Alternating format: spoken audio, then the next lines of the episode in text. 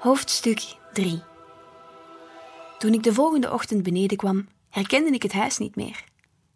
Alle meubels hadden een plek gekregen. Het kleurige tapijt van onze reis naar Marokko lag op de grond. De boekenplanken waren gevuld. Boven de kast was een verzameling van foto's en tekeningen geplakt. De gordijnen uit ons oude huis waren opgehangen en hier en daar stond een plant. Herman de hamster lag te soezen in een streep winters zonlicht dat schuin door het raam naar binnen viel. Het zag er zo gezellig uit dat ik er bijna blij mee was. Mooi, hè? zei Noor. Ze zat aan tafel en tekende een kerstboom, terwijl ze af en toe een hap nam. Ik knikte, zonder te weten of ze de tekening of het huis bedoelde. Schoof aan aan tafel en schudde een berg cornflakes in een kom. Mama nam me met een schuin hoofd op. Ik voelde haar ogen prikken op mijn gezicht en ik wist dat ik nu iets moest zeggen. Iets aardig over het huis of misschien iets over gisteren, maar het lukte me niet. Ze zuchtte en keek op de klok. Schiet een beetje op, Jules. Ik wil niet te laat komen op mijn eerste werkdag. In de koekjesfabriek, joelde Noor. Breng je koekjes mee naar huis? Gilloos, lachte mama, terwijl zij haar jas aantrok. Straks wegen we allemaal een ton. Maar ik neem ook mijn eigen koekjes mee naar de fabriek. Die lekkere van gisteren. Misschien zijn ze geïnteresseerd in mijn recept. Noor hield op met kleuren. Dan worden je koekjes beroemd, zei ze ademloos. En jij ook? Mama draaide haar sjaal een paar keer om haar hals. Wie weet, glimlachte ze. Stop die potloden nu maar in je rugzak. Dan vertrekken we naar opa Noël. Jules, ben je klaar? Kunnen we gewoon hier blijven? vroeg ik. Ik kan op Noor passen. Nee, Jules, daar ben je nog veel te jong voor. Mama bukte zich om haar veters te strekken. En opa is daar veel te oud voor, wierp ik tegen. Hij is bejaard. Misschien heeft hij wel een reuma en als hij dan gaat voetballen, breekt hij al zijn botten. Mama stopte met strikken en keek me stom verbaasd aan. Reuma? Hoe kom je daar nu bij?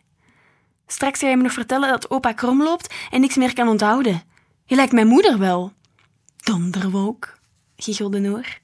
Jules is een donderwolk. Jules is een donder... Oké, oké, snauwde ik. En meteen was ik boos op mezelf. Noor had gelijk. Ik was een donderwolk. Ik was boos op iedereen de hele tijd door. Maar ik kon er niet mee stoppen. Niet nu kerst elke dag een stukje dichterbij kwam. Niet met een zus die de ene kerstboom na de andere tekende, en niet met een opa die zo dol was op kerst dat hij de kerstballen het hele jaar door in zijn winkel liet hangen. Ik zette mijn half lege kom bij de afwas en mompelde sorry. Noor trok haar schouders op en haastte zich achter mama aan de gang in. Haar tekening als een rolletje in haar hand. Er zat niks anders op dan haar te volgen.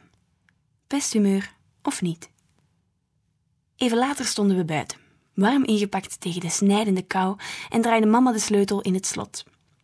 Ik keek toe met mijn handen in mijn zakken. Pets! Een sneeuwbal plofte tegen de gevel van ons huis, vlak naast me. Ik draaide me vliegensvlug om, zag een tweede bal op me afzuizen en kon nog maar net wegduiken. Splash! hey! Mama keek naar de natte plek op haar jas en toen naar de overkant van de straat. Daar stond Ella, het buurmeisje, met grote ogen en een hand op haar mond. Sorry, riep ze. Dat was niet de bedoeling. Ik wilde die jongen raken, maar dan mag je van geluk spreken dat je mij geraakt hebt, lachte mama. Die jongen heeft een hekel aan sneeuw. Hij heet Jules, trouwens. Dag, Jules. Ella veegde haar sneeuwhanden af aan haar jas en stapte de straat over, hoewel stappen niet echt het juiste woord was. Ze hobbelde, met een vreemde knik in haar heup, bij iedere stap van haar rechterbeen, als een bootje dat slagzij maakt. Toen ze voor me stond, schudde ze haar lange besneeuwde haren uit haar gezicht en stak een hand naar me uit. Hij voelde koud en stevig. Ik ben Ella. We hebben gisteravond niet echt kennis gemaakt. Hoezo hou je niet van sneeuw? Ik mompelde iets onverstaanbaars en voelde mijn wangen rood kleuren onder mijn sjaal. Hij houdt niet van sneeuw, maar wel van onweer, giechelde Noor. Mijn broer is een donderwolk. Is dat zo? vroeg Ella. Dan ben jij vast het zonnetje in huis. Wil je aan onze kerstman trekken? Noor huppelde vrolijk met Ella naar haar voordeur en gaf een ruk aan het touwtje. De pop barstte uit in een blikkerige versie van Jingle Bells. Noor juichte en applaudisseerde met toffe klapjes van haar handschoenhanden. De deur vloog open en in het deurgat verscheen Stef. Hij droeg een keukenschort en had een handdoek bij.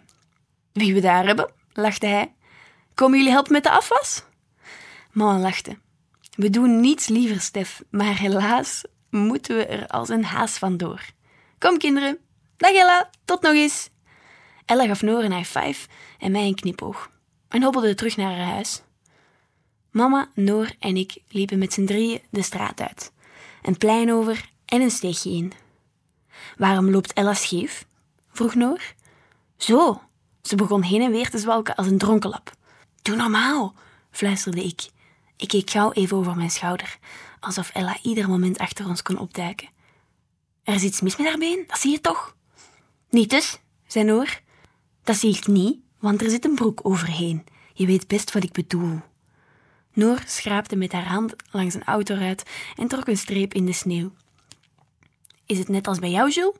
Met jou is er ook iets mis, maar niemand kan het zien. Alleen mama en ik. Sst, Noortje, deed mama. Laat je broer nu maar gerust, oké? Ze kwam tussen ons inlopen en sloeg een arm over ons heen. Kijk, we zijn er. Lang geleden, hè? Opa's winkeltje was nog niks veranderd.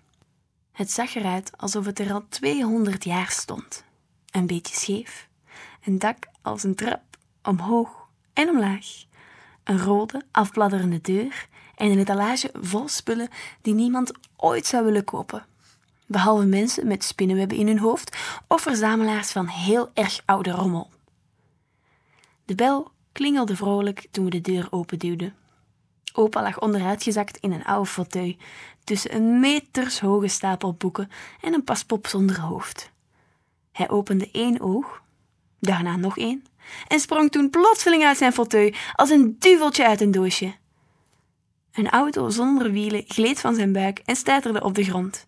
Wie we daar hebben, bromde hij opgetogen. Duidelijk geen reuma, fluisterde mama vanuit haar mondhoek. Ze gaf me een stomp. Dag, opa, zei ik, terwijl Noor als een stormram in zijn armen vloog. Oh, dag Noortje. En dag Jules, alles goed met jullie? Ik had de kans niet om iets te zeggen, want Noor begon meteen als een ekster te kwetteren. Maar dat gaf niet. Ik kon helemaal niks zeggen. Ik stond aan de grond genageld te staren naar een plek op het rek achter opa's fauteuil.